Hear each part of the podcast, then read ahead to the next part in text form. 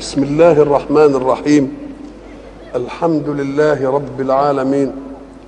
والصلاة والسلام على أشرف المرسلين وخاتم النبيين ورحمة الله للعالمين سيدنا محمد وعلى آله وصحبه أجمعين.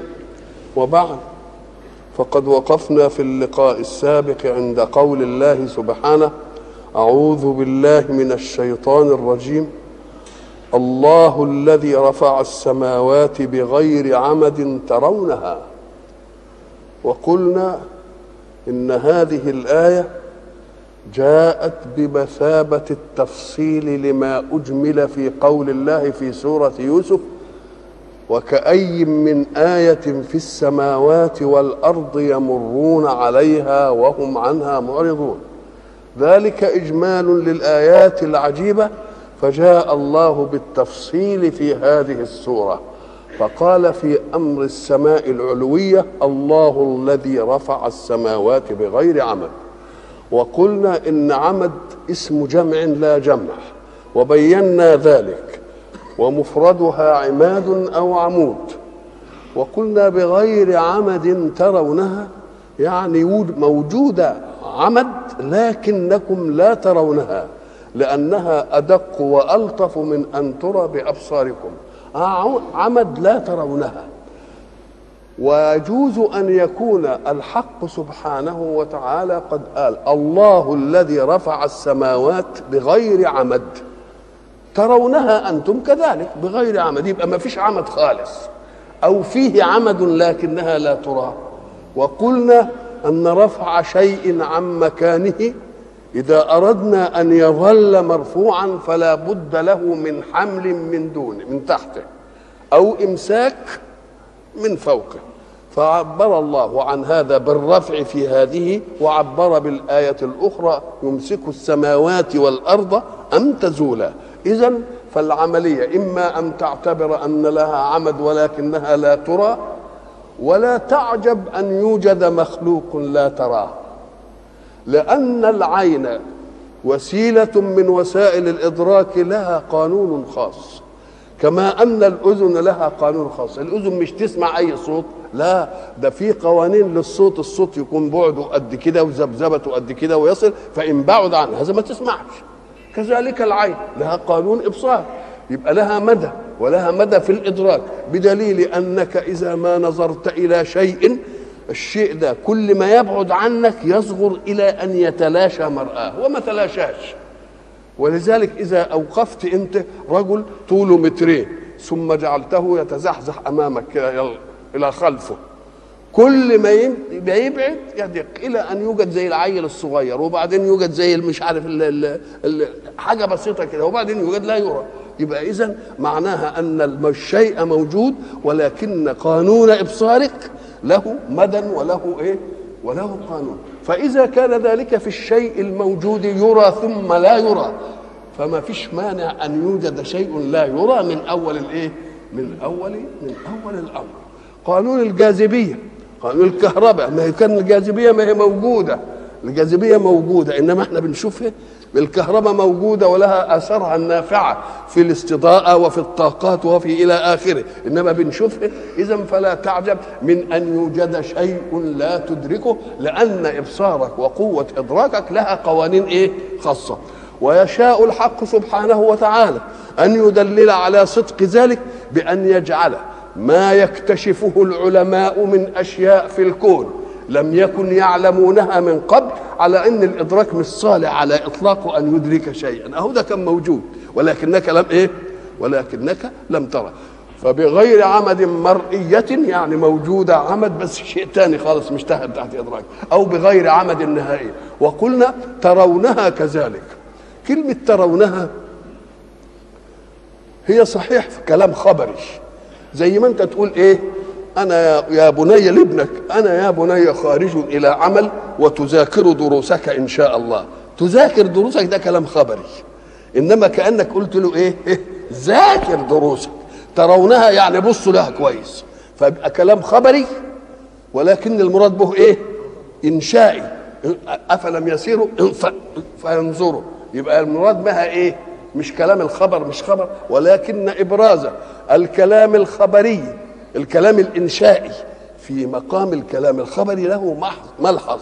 أنت تقول إيه؟ فلان مات. رحمه الله. رحمه الله كلام خبري. كان من الممكن تقول مات فلان يا رب ارحمه. تطلب الرحمة. تطلب. إنما أنت بتقول رحمه الله وبتخبر على إن ربنا إيه؟ الله هو أنت عارف إن كان رحم ولا ما حرموش ولكنك قلت ذلك تفاؤلا أن تكون الرحمة واقعة به. كذلك ترونها يعني إيه؟ شوفوها انظروا إليها كويس. الله إذا إذا لفتك المتكلم إلى شيء لتحرك فيه حواس إدراكك يبقى ده واثق من إن الصنعة كما تدخل على تاجر القماش مثلا تشتري مثلا صوف يقول لك ده صوف 100% امسك جربه اعمل كذا هات هات ولعة ولع شوف هتتعمل إزاي. يبقى ما يقولكش كده ودقق قوي كده إلا إذا كان إيه؟ إذا كان واثق. فربنا بيقول ده وثوقيه من غير عمل. وشوفوها أنتم. طب نشوفها إزاي بقى؟ أم قال لك كتير. إما أن يكون بمد البصر مش هنلاقي أعمدة. طب يمكن الأعمدة بعدين؟ أم قال لك ما هي بعدين دي لها ناس برضه باصين؟ ما هي بعدين دي فيها إيه؟ ناس باصين تانيين برضه مش هيلاقوا أعمدة. فضم بعدم وجود الأعمدة عندك. لعدم وجود؟ ما أنت لما تمشي كده الأفق ينتقل وياك ينتقل وياك. لأن الأفق معناه محيط ال- الأقطار التي تحدد محيط أفقك. يعني أنت ولذلك مش كل الأفق واحد لا. كل واحد أفق له أفق على حسب نظره. في واحد السماء تنطبق على الأرض شوية كده كمل. نقول نقول له اعمل نظارة يا شيخ نظارة مسافة زي ما بيقولوا. الله. إذا الأفاق مش واحدة. الأفاق بتختلف كل ما تتنقل الأفق إيه؟ يتنقل. واحد بصره أوسع يبقى أفقه أوسع. ولذلك حتى في التعبير العادي نقول لك ده فلان أفقه ضيق. معنى أفقه ضيق إيه؟ يعني ما بيشوفش إلا تحت رجليه. ما بيشوفش إلا تحت إيه؟ رجليه. فربنا بيقول أنا قلت لكم إنها بغير عمل وانظروا وروها كذلك تجدونها من غير عمل. طيب إحنا قلنا أنا والناس هو مين اللي عرفني إن الناس اللي بعدي مش هيشوفوا عمد قام قال لك وعلى إيه بقى؟ أهي الدنيا اتمسحت كلها والطيران عمال يمشي يلف الكرة من الشمال للجنوب ومن الغرب للشرق وعمال يقول ما فيش عمود صدمة ولا أي حاجة من دي ابدا. ما حصلش. نعم. اذا ترونها في مقام التدليل على صدق القضية.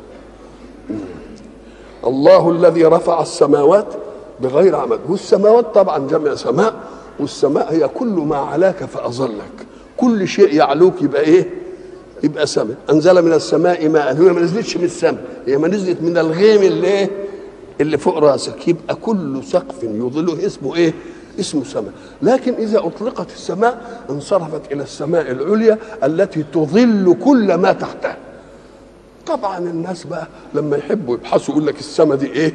ويقعدوا بقى يتكلموا وهي لها جرم ولا ملهاش جرم ولا بس امتداد بقى لأجواء ولا ولا. إلى آخره يقول له ده بقى خلط مش شغلتكم مش سكتكم. ليه؟ أم قال لك لأن الحق سبحانه وتعالى حين ينصر أدلة وجوده وأدلة قدرته وأدلة حكمته وأدلة صنعته في الكون ما ما يديكش الأدلة بس من خارجك لازم يديها لك الأول من نفسك. عشان إن كنت ما بتشوفش حاجة في الدنيا أبي بص لنفسك. وفي أنفسكم أفلا بس بص لنفسك هتلاقيك عالم عجيب والعلماء دلوقتي في التشريح وفي علم وظائف الأعضاء والتحليلات كل يوم يكتشفوا في الإنسان إيه؟ شيء عجيب سر عجيب تكوين عجيب. الله اهو ده في نفسك. يبقى شوف اللي خارج بقى منك. عديها بنفس نفسك وروح للي اللي خارج منك. ربنا قال اسمع إن كنت تعجب في أمر نفسك وستكتشف أشياء العقول تعجز عن إدراكها سابقا وقد ندرك بعضها لاحقا. وإدراك البعض المجهول في الماضي يؤذن بأنك ستدرك بعد ذلك شيئا. بعد الذي إيه أدركته على نمط قولك سنريهم آياتنا في الآفاق. ومعنى سنريهم أن الرؤيا لا تنتهي. لأن إحنا قلنا زمان إن السين دي للاستقبال. طب إحنا بن... الذي الذين نزل القرآن في عهدهم قرأوها إيه؟ سنريهم. يبقى اللي جه بعدهم. طيب وإحنا دلوقتي بنقول إيه؟ يبقى هيجي إيه بعدنا؟ واللي ساعة ما تقوم الساعة ويقراها يقول إيه؟ سنر. اذا فلله عطاء إلى أن تقوم الساعة. مش ممكن كل يوم عطاء جديد كل يوم عطاء جديد لحد ما تقول إيه الحكاية دي؟ آه. يبقى اذا لما يجي ربنا يقول لك وفي أنفسكم أفلا تبصرون أراد أن يعدي منك إلى غيرك. بص اللي حواليك. فقال لنا قضية. قال إن كنت هتتعجب في خلقك لخلق السماوات والأرض أكبر من خلق الناس. لو تفكرت في السماء والأرض هتلاقيها إيه؟ ده أنت متحير في تكوينك. تبقى برضه هتتحير أكتر من ده في إيه؟ ليه؟ لأنك أنت الإنسان اللي هو في أنفسكم أفلا تبصرون له عمر محدود وبينتهي. طب والسماء اللي من يوم ما خلق ربنا الكون إلى أن تتشقق السماء والنجوم تنكدر. دي إيه؟ دي بقى أكبر من خلق الناس. طيب أنت فرد ولك حيز ودي شامله الكون كله. يبقى أكبر من خلق الناس ولا لا؟ فلما تحدث عنها إياك أن تخبط فيها بوهم أو بتخمين لأن دي مسألة ما تدركش مع بالمعمل. مش هنقدر نجيب الحكاية دي بالمعمل ونقعد نحلل ونعمل إيه؟ نقوم نعمل إيه؟ نشوف اللي خلقها قال عنها إيه. واللي خلقها وقال عنها هو ده اللي يبقى الإيه؟ الكلام. ولا تخف ما ليس لك به إيه؟ ولا تخف ما ليس لك به علم. ولذلك حاجتين اتنين. الله سبحانه وتعالى حجز العقول المتعكله بحق إنها تتعب نفسها في البحث فيه خلقك وازاي اتخلقت وازاي مش عارف إيه وبعد ذلك تقول كان قرد ولا كلب ولا عفريت زي ما تقعد تخبط في الكلام ده. والسامع أصلها كانت كذا وانفصلت وبقت مش عارف إيه. و... قال لك شوف ما أقول لك ما اشهدتهم خلق السماوات والأرض ولا خلق أنفسهم.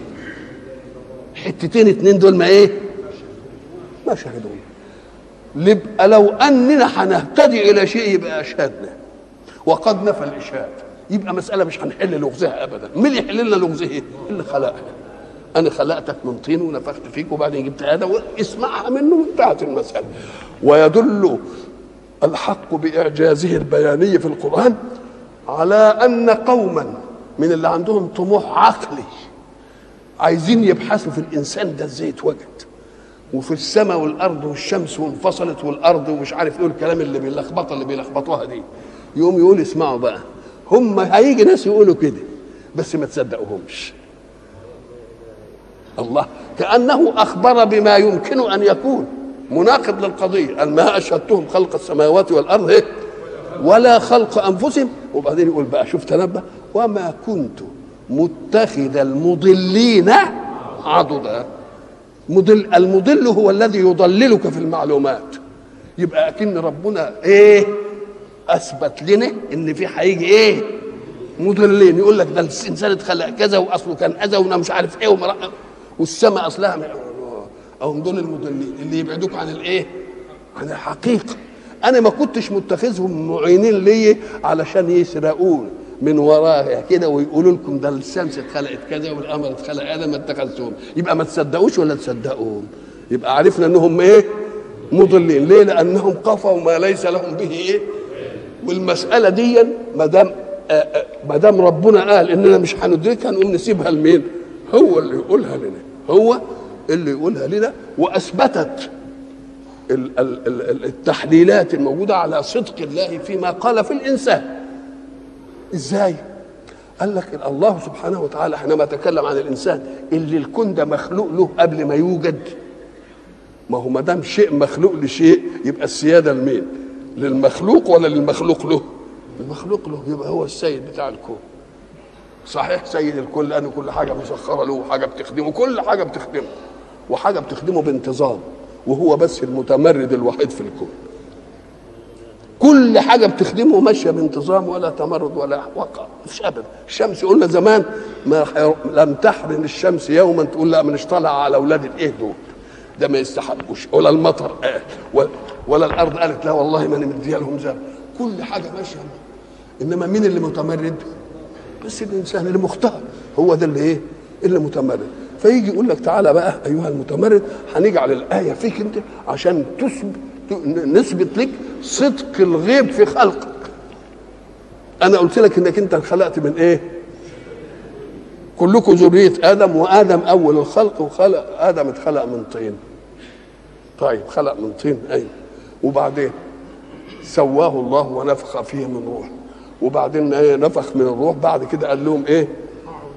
ساجدين. الملائكة اللي هم هيبقوا في خدمته المدبرات أمر والحفظة واللي مش عارف إيه دول لأن دول بيقول لهم أدي الإنسان اللي إيه؟ اللي أنتوا هتكونوا في إيه؟ هتكونوا في خدمته. يبقى السجود له ده إيه إيه إعلام بإيه؟ بالطاعة وإن ده اللي إحنا هنقعد نخدمك أنت بقى. فلما قال من طين قعد يفصل لنا زمان في الطين فصلنا إحنا الحكاية دي قال لك من طين والطين ده عبارة عن إيه؟ مش شوية تراب وأصابهم ماء بقى طين يبقى لو قال من ماء يبقى صح ولا لأ؟ ولو قال من تراب يبقى صح ولو قال من طين ولو قال من حمأ مسنون قال لك الطين برضه اتفاعل مع بعض زي ما بنجيب معجنة كده ونخلطها ونقول لك سيبها أما تاكل إيه؟ خلطها وريحتها تعمل كده يبقى دي دليل على إنها بقت كويسة تنفع لله وبعدين نعملها فخار. يبقى لو قال من فخار جايز من من حمأ مسنون جايز من طين جايز من ماء جايز من تراب جايز ولا لأ؟ ولذلك يقول لك ده في تضارب ده مرة يقول من مية ومرة يقول من تراب ومرة يقول من طين ومرة يقول من حمأ مسنون. له هذه مراحل لشيء واحد. هذه مراحل جبنا العيش منين يا سيدي؟ من الغله وبعدين إيه؟ إذا أنت أكلت من الغله وأكلت من الدقيق وأكلت من العجين وأكلت من رغيف الله. دي مراحل للإيه؟ للشيء الإيه؟ الشيء الواحد انتقل في إيه؟ في مراحل متعددة. يبقى الله قص علينا قصة خلقنا لأن خلق الإنسان أكبر من خلق السماء والأرض أكبر من خلق الإنسان. فاداني صورة لمين؟ لنفسي. قال تعال انت مش هتقدر تروح للسبي وتعمل عليها تجارب وبتاع وحاجات دي عشان نثبت لك. لكن انت موجود وانت اللي هتعمل تجارب وانت اللي هتعمل فيك التجارب وتبقى موجودة قدامك هندللك على دي. فقال انت اتخلقت من من التراب اللي اتخلط عليه مية بقى طين وبعدين من الطين سبناه لما يتفاعل وبعد ما تفاعل بقى حمأ مسنون يعني لما تغير الرائحة وبعدين بقى صلصال كالفخار وبعدين رب ربنا نفخ إيه؟ نفخ الروح. يبقى دي قصة بناء. لما تيجي تمسك قصة البناء دي اعملها كده بالأول الأول الأول. تراب تحط عليه مية. بقى يطين. وبعدين سيبناه شوية اتغير حمأ مسنون. وبعدين جف. يبقى إيه؟ صلصال كالفخار وبعدين جت الروح اتنفخت فيه. دي قضية البناء للإنسان. فإذا ما أردنا أن نهدم ذلك الإنسان بالموت عايزين نهدمه بقى. مش كده مش كل حاجة لها ما ينقضها على الأول. أول ما بي ما بينقض بينقض فيه إيه؟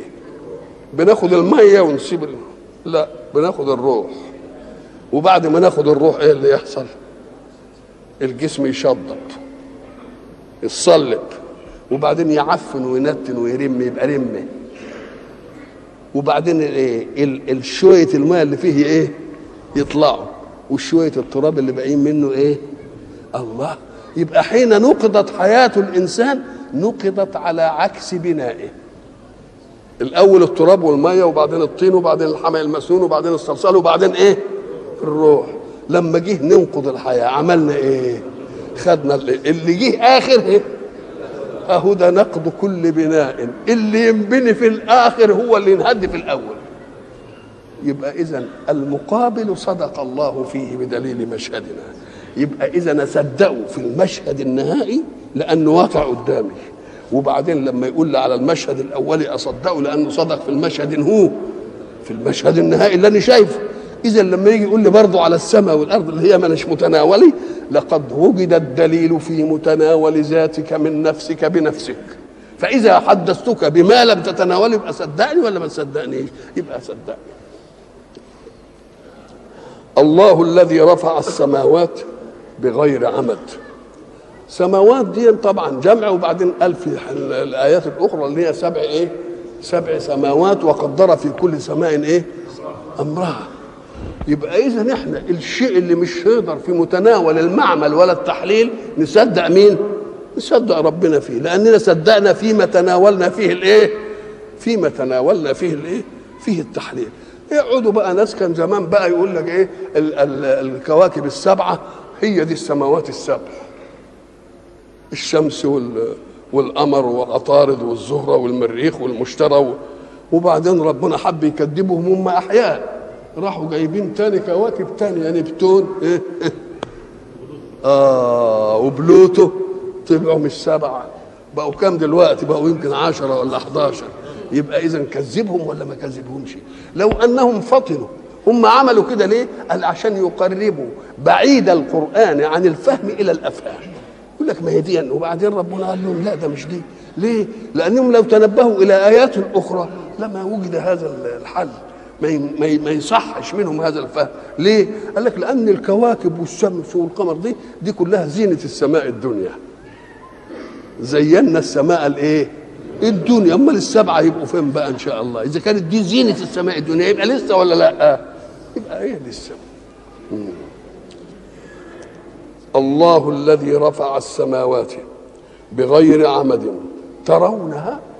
إما أن تكون الوصف الكلام ده للعمل أو أنتم ترونها كذلك يعني شيء معه إيه؟ معه دليل ثم استوى على العرش. قضية بقى. وقضيه أهم قضية كلامية وقع فيها علماء الكلام. الاستواء والعرش والكلام اولا علشان نفهم قضية لازم نحلل ألفاظها عشان نتفق على معانيها. وبعدين نبحثها جملة نشوف الألفاظ دي اللفظ ده معناه إيه؟ واللفظ ده معناه إيه؟ وبعدين نفهم الإيه؟ نفهم القضية. إنما نقعد نتجادل غير متواردين على فهم واحد؟ لا يبقى لازم نشوف استوى دي معناها إيه والعرش معناها إيه. وبعدين نشوف الحكاية بتاعت استواء الله على العرش. استوى معناها إيه. استعرضنا استوى في القرآن. وجدناها وجدت في آيات متعددة. تسعة وثلاثة اتناشر مرة وردت. بس وردت. مرة في استواء اللي هو إيه؟ ولما بلغ أشده واستوى. نشوف واستوى هنا بمعنى إيه؟ لما بلغ أشده وإيه؟ زي أنت ما تقول الفاكهة استوت. تمام كده. يعني بلغ نضجه الكمالي في أن يكون رجلا صالحا لبقاء نوعه. مش معناها كده؟ استوى بلغ أشده وإيه؟ واستوى. على الأول. استوى يعني إيه؟ بلغ النضج بتاعه الكمال الرجولي. وإحنا قلنا زمان إن الإنسان يبلغ الكمال الرجولي إذا كان قادرا على إنجاب مثله يعني بالبلوغ. له حياة وبعد ذلك استبقاء الحياة في غيره بالإيه؟ بالبلوغ. لما ينضج ويقدر على إنه لو اتجوز يخلف يبقى يقال له إيه؟ استوى. أدي إيه؟ أدي معنى إيه؟ استوى. ذو مرة فاستوى وهو بالأفق الأعلى. يعني صعد. مثلا. صعد إيه؟ الله. إذا استوى لها معنى هنا ولها معنى هنا. المعاني دي كلها بتلتقي. نقول لك وبعدين في استواء. استواء من الله. ثم استوى إلى السماء. إيه؟ فسواهن إيه؟ سبع سماوات. ثم استوى إلى السماء. فبرضه إيه؟ آه اذا فيه استواء إلى السماء.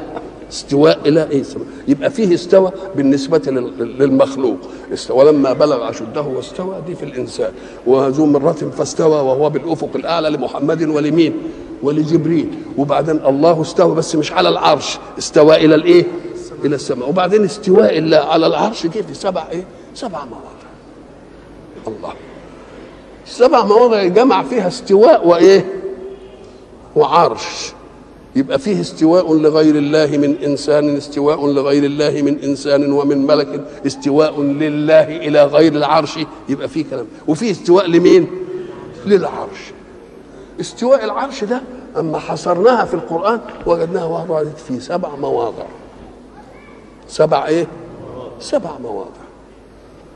ففي سورة الأعراف وذكر استواء الله في كلماته على العرش في سبع مواضع. فاعددي. ففي سورة الأعراف ثمة يونس وفي الرعد اللي هي بعد يونس هي مع طه فللعد أكدي. وفي سورة الفرقان ثمة سجدة كذا في الحديد فهم فهم مؤيد. يبقى جت في كم موضع؟ سبعة. الأعراف وبعدين يونس. وبعدين الرعد اللي إحنا فيها دي وفي سورة الايه؟ وال آه، والفرقان والسجدة والحديد. الله. أدي استوى على العرش في هذا. يبقى الاستواء المطلق شيء والاستواء على العرش شيء آخر. طيب أدي الاستواء. يبقى فهمنا من الاستواء إنه يبلغ نضجه وكماله ومش عارف إيه. استوى يعلى إلى الشيء يستوي يستوي عليه. الله. لما تيجي تشوف إن استوى إلى السماء اوعى بقى تفسر استوى إلى السماء زي استوى فلان على كذا. ليه؟ لأن إحنا قلنا تفسير كل شيء بالنسبة لله جانب تفسيره بالنسبة للبشر. له استواء يليق بمين؟ يليق بذاته. يليق زي ما قلنا له وجود وانت لك وجود وجوده مش زي وجودك. يبقى لما نقول استوى يبقى مش استواء زي إيه؟ في إطار ليس إيه؟ ليس كمثله شيء. طب والعرش؟ قال لك العرش ورد في القرآن كتير قوي. ده ورد بالنسبة لله ع- حد- 21 مرة. وورد بالنسبة لبلقيس أربع مرات. مش قال ولها عرش إيه؟ لها عرش عظيم. وبعدين قال إيه؟ أيكم يأتيني بعرشه. وبعدين قال نكروا لها عرشها. مش كده؟ أهكذا عرشكم يبقى جت أربع مرات. ده بالنسبة لمين؟ بالنسبة لبلقيس على الأول. وبرضه ل- ليعقوب ليوسف. ورفع أبويه على الإيه؟ على العرش. برضه هدي بالنسبة لمين؟ الله. وبعدين الكل بعد كده بالنسبة لمين؟ بالنسبة لله سبحانه. كويس قوي كلمة الإيه؟ العرش. العرش دي إما أن يضاف إلى إلى اللفظ الظاهر وإما أن يضاف إلى الضمير. الضمير ده آه، إما يكون مخاطب وإما أن يكون غائب. آه، يحمل عرش عرش ربك. دي مضافة للاسم الظاهر ولا لا؟ ها؟ وكان عرشه على الماء. يبقى مضافة لمين؟ للضمير. الله. واستوى إلى العرش. يبقى مرة يجي بالعلم ومرة يجي بالتنكير ومرة يجي بالإضافة إلى ضمير المخاطب ومرة يجي بالإضافة إلى ضمير الإيه؟ إلى ضمير الغيب. يقول له تعالى بقى إذا أردت أن تفسر هذه المسألة بالنسبة لله اوعى تأخذها على أنه إيه؟ نضج. لأن النضج ده إشعار بكمال سبقه نقص. إذا ما يجيش. طب حاجة تانية ولذلك هم ال- العلماء المدققين أم قال لك وذكر استواء الله في كلماته على العرش في سبع مواضع اللي قالوا دي قالوا إيه؟ فلهم مقالات عليها أربع قد حصلت للفارس الطعان وهي استقر وقد علا وكذلك ارتفع ما فيه من نكران وكذاك قد صعد الذي هو رابع. يبقى لهم أربع إيه؟ في كلمة استوى دي. يشوف إن هي اللي تليق بالله. إن كان لما بلغ أشده واستوى نضج نقول له لا لأن النضج كمال يسبقه إيه؟ نقص. طب وصعود؟ لأن الصعود حركة انتقال من شيء إلى شيء ومعنى أنه انتقل من شيء أن الشيء الذي ينقل إليه لم يكن فيه ولما انتقل منه بقى خل ما تنفعش. يبقى لما تاخد المعاني اللي تمشي في استوى بالنسبة للمعنى ما إيه؟ ما تجيش. يبقى لازم نشوف استوى دي. العلماء بقى قال لك اختلفوا فيها بقى. واحد يقول لك أنا هاخد اللفظ زي ما ما قالوا ربنا استوى يعني استوى. يعني صعد صعد جلس جلس قعد قعد زي ما قال. نقول له وده- وتوهت فين؟ ليس كمثله شيء. ليه غيبت دي ما تغيبش ليس كمثله شيء. خد الفهم في اطار في إطار هذه. ولذلك ال- ال- اللي عندهم دقة في العلم الاستواء معلوم والكيف مجهول والسؤال عنه بدعة. شوف إزاي الاستواء إيه معلوم؟ بالمعلوم في المعاني اللي إحنا قلناها دي. والكيف كيفيته بالنسبة لله مجهول والسؤال عنه نقول لهم إزاي بدعة بقى؟ أم قال لك الناس اللي, اللي سمعوا القرآن من رسول الله ما سمعوش الآيات دي بالله حد قال له إيه يعني استوى على العرش ولا ناقشه في الحكاية دي؟ ما حدش. طب نقول ده المؤمنين يستحوا اللي النبي يقول له عليه يسكت واللي ما يقولش ما يسألوش. لا بيسأل. يسألونك يسألونك يسألونك يسألونك. إذا فهو السؤال وارد. ما سألوش عنده ليه؟ مما يدل على أنهم بملكتهم العربية الفطرية قد فهموا من الاستواء شيئا يناسب الله. شيئا يناسب مين؟ ولذلك ما سألوش عنه. جه السؤال عنه في المتأخرين بقى اللي عايزين يتمحكوا بقى. فواحد قال لك لا ما دام قال استوى يبقى استوى. يبقى له جلوس يبقى له جلوس. صعد يبقى له صعود. واحد قال له يا شيخ ده دي بالنسبة لنا يبقى فيه أغيار وانتقل وما انتقلش وقعد وما قعدش ومش عارف إيه. طب يقول له أمال استوى يعني معناها إيه؟ استولى استتب له الأمر. الله هو ما كانش مستتب؟ قال لك إيه؟ لسه لسه ليه؟ أما قال لك لأن إحنا قلنا لله سبحانه وتعالى صفات متعددة.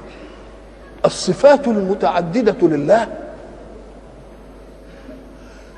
مش وجد معناها بعد وجود المقدور. هو خالق قبل أن يخلق الخلق. هو خالق مش بقى خالق لما خلق. لا ده هو موصوف بأنه خالق قبل أن إيه؟ وبصفة الخالقية فيه قبل خلق الخلق. امال خلق إزاي؟ واحد يقول لك ده شاعر. ليه قال قصيدة. هو قال القصيدة فصار شاعرا؟ ولا كان شاعرا في الأول فقال القصيدة؟ ده كان شاعر فقال القصيدة. هي علمك بأنه شاعر بس. أو وقوع الصفة في في في مقدور الله. هي دي اللي ظهر يبقى الله خالقه قبل أن إيه؟ يخلق الإيه؟ الخلق. ومعز قبل أن يخلق من يعزه ومذل قبل أن يخلق من يذله خلاص؟ يبقى لله صفات الكمال المطلق وبصفات الكمال المطلق خلق ذلك الخلق وأعطى كل شيء خلقه ثم هدى.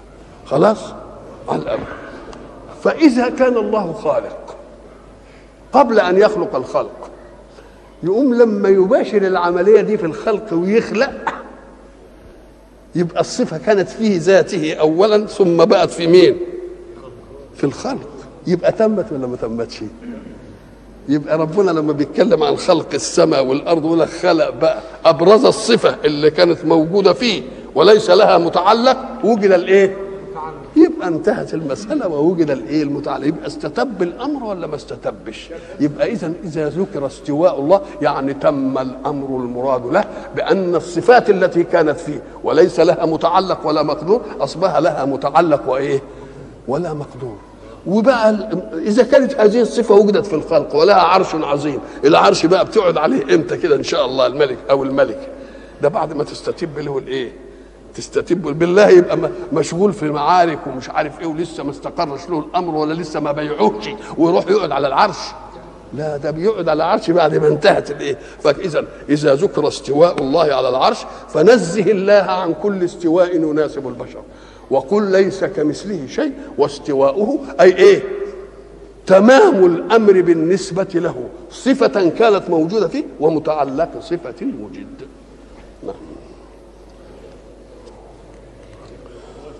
الله الذي رفع السماوات بغير عمد. ترونها. شوف رفع السماوات بغير عمد ثم استوى على العرش. الأمور بقى في الصفة طلعت إيه بقى؟ طلع جه متعلقه أنا أقول لك فلان ده فلان ده زارع ده زارع قوي مش عارف إيه ويفهم في الأرض والتربة والحبوب والمواقيت والمش عارف إيه. كتر خير. وبعدين جاب فدان كده وقعد يزرعه. يبقى استتب له الوصف ولا ما استتبش؟ يبقى مع مش دعوة بقى. ده دعوة بإيه؟ بدليلها ثم استوى على العرش. أدي أول آية من قوله وكأي من آية في السماوات. وسخر الشمس والقمر. معنى التسخير طلب المسخر من المسخر أن يكون كما أراده تسخيرا بحيث لا تكون له رغبة ولا رأي ولا هوى. هو مسخر كده ما ما يعرف ما يقدرش. والتسخير بقى ضده الاختيار. شيء مسخر يعني ملوش اختيار. شيء مختار يبقى إن شاء فعل وإن شاء لم يفعل. ولذلك قلنا زمان في قول الحق. سبحانه أعوذ بالله من الشيطان الرجيم. إنا عرضنا الأمانة على السماوات والأرض والجبال فأبين أن يحملنها وحملها الإنسان. إنه كان ظلوما جهولا.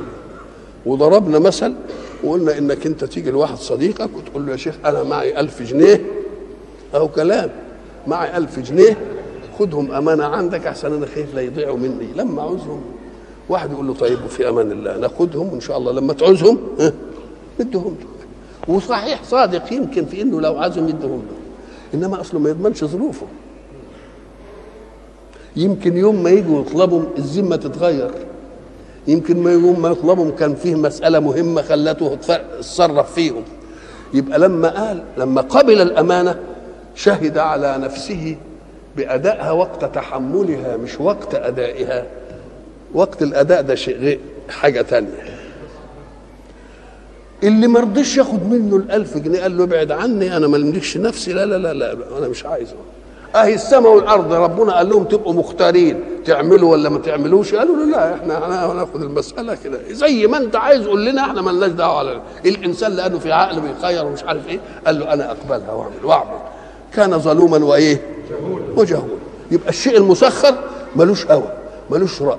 ملوش اختيار ولذلك إحنا مرة ضربنا مثل وقلنا انظر في الكون في كل أجناس وجوده وأنواعه وابحث عن منطقة الفساد في الكون فلن تجد فسادا في المسخرات إنما كل الفساد في مين؟ في الاختيار أي شيء لا دخل للإنسان فيه مستقيم أمره ولا مش مستقيم؟ ده مستقيم تمام أمال الفساد جه منين؟ من المختار إن شاء فعل وإن شاء ما فعل. لو فعل على وفق منهج المسخر كانت الأمور تستقيم ولا؟ لا؟ استقيم. ولذلك هو يقول لنا إن أردتم أن تستقيم لكم الأمور فانظروا في في الأفلاك العليا اللي ملكوش خيار فيه. شوفوها ماشية مستقيمة ولا مش ماشية مستقيمة؟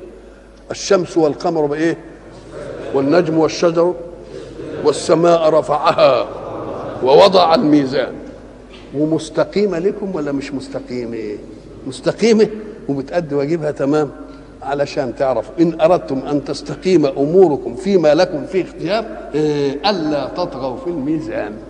وأقيموا الوزن بالقسط ولا تخسروا الميزان. شوفوا ربنا عايز منكم إيه؟ إن شفتم ربنا عايز منكم إيه؟ ونفذتوه زي ما هو عايز تبقوا زي الأمور الإيه؟ المسخرة والأمور تستقيم. إنما الخلل بيجي منين؟ من إننا بنعمل أشياء باختيارنا مخالفة لمنهج الإيه؟ لمنهج المشرع إيه؟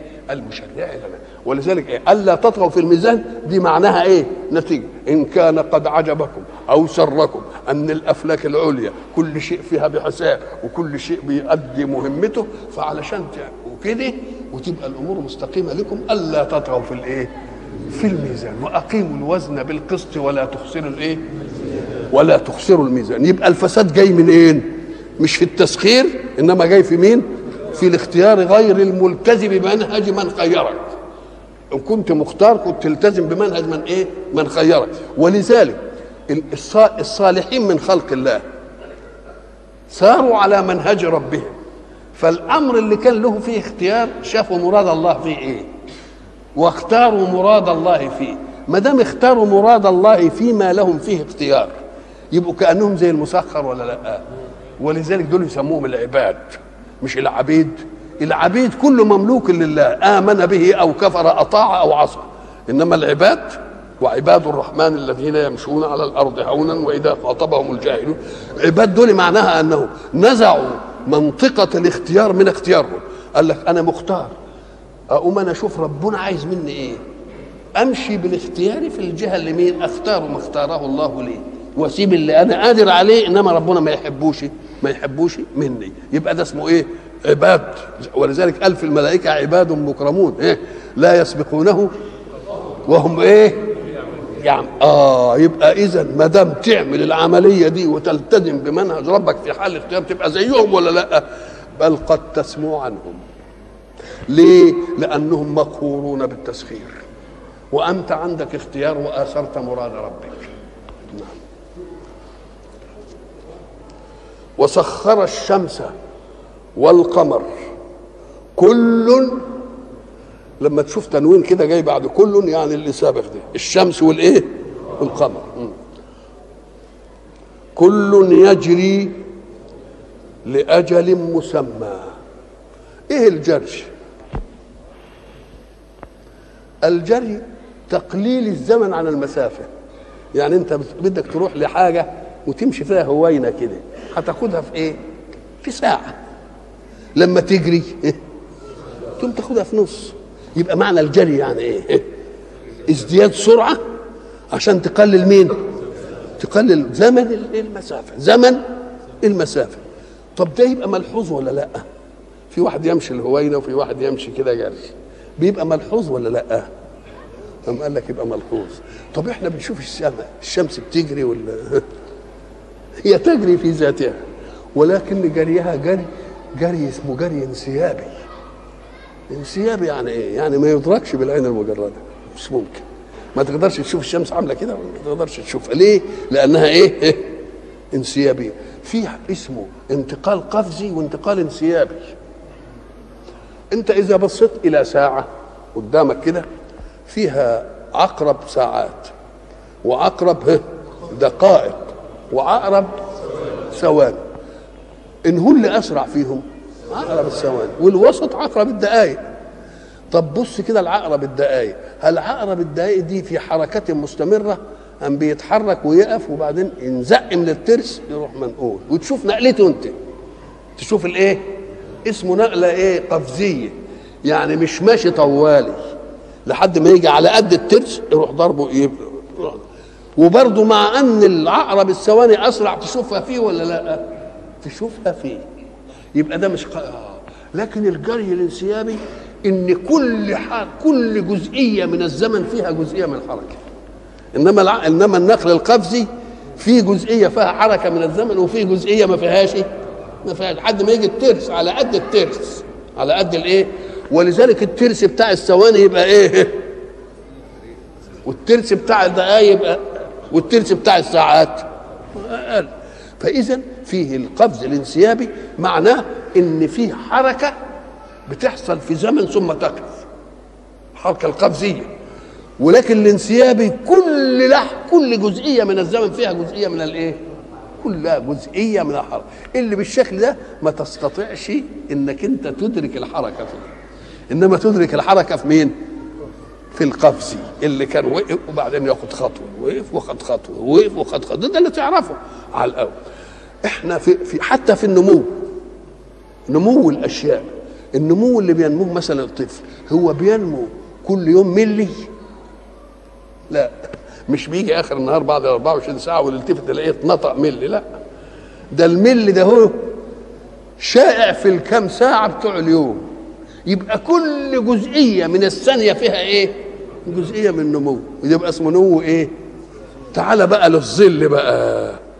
ساعة أنت ما تقعد كده في الشمس وتشوف حاجة لها ظل وبعدين تبص تلاقي الظل بينحسر بينحسر على حسب حركة الإيه؟ الشمس. هل أنت بتشوف الظل كان كده وبعدين عمل كده؟ ما تتركوش.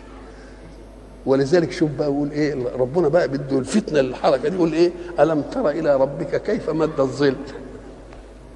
ولو شاء لجعله ساكنا يعني ويتحرك. لا ده هو عامل إيه؟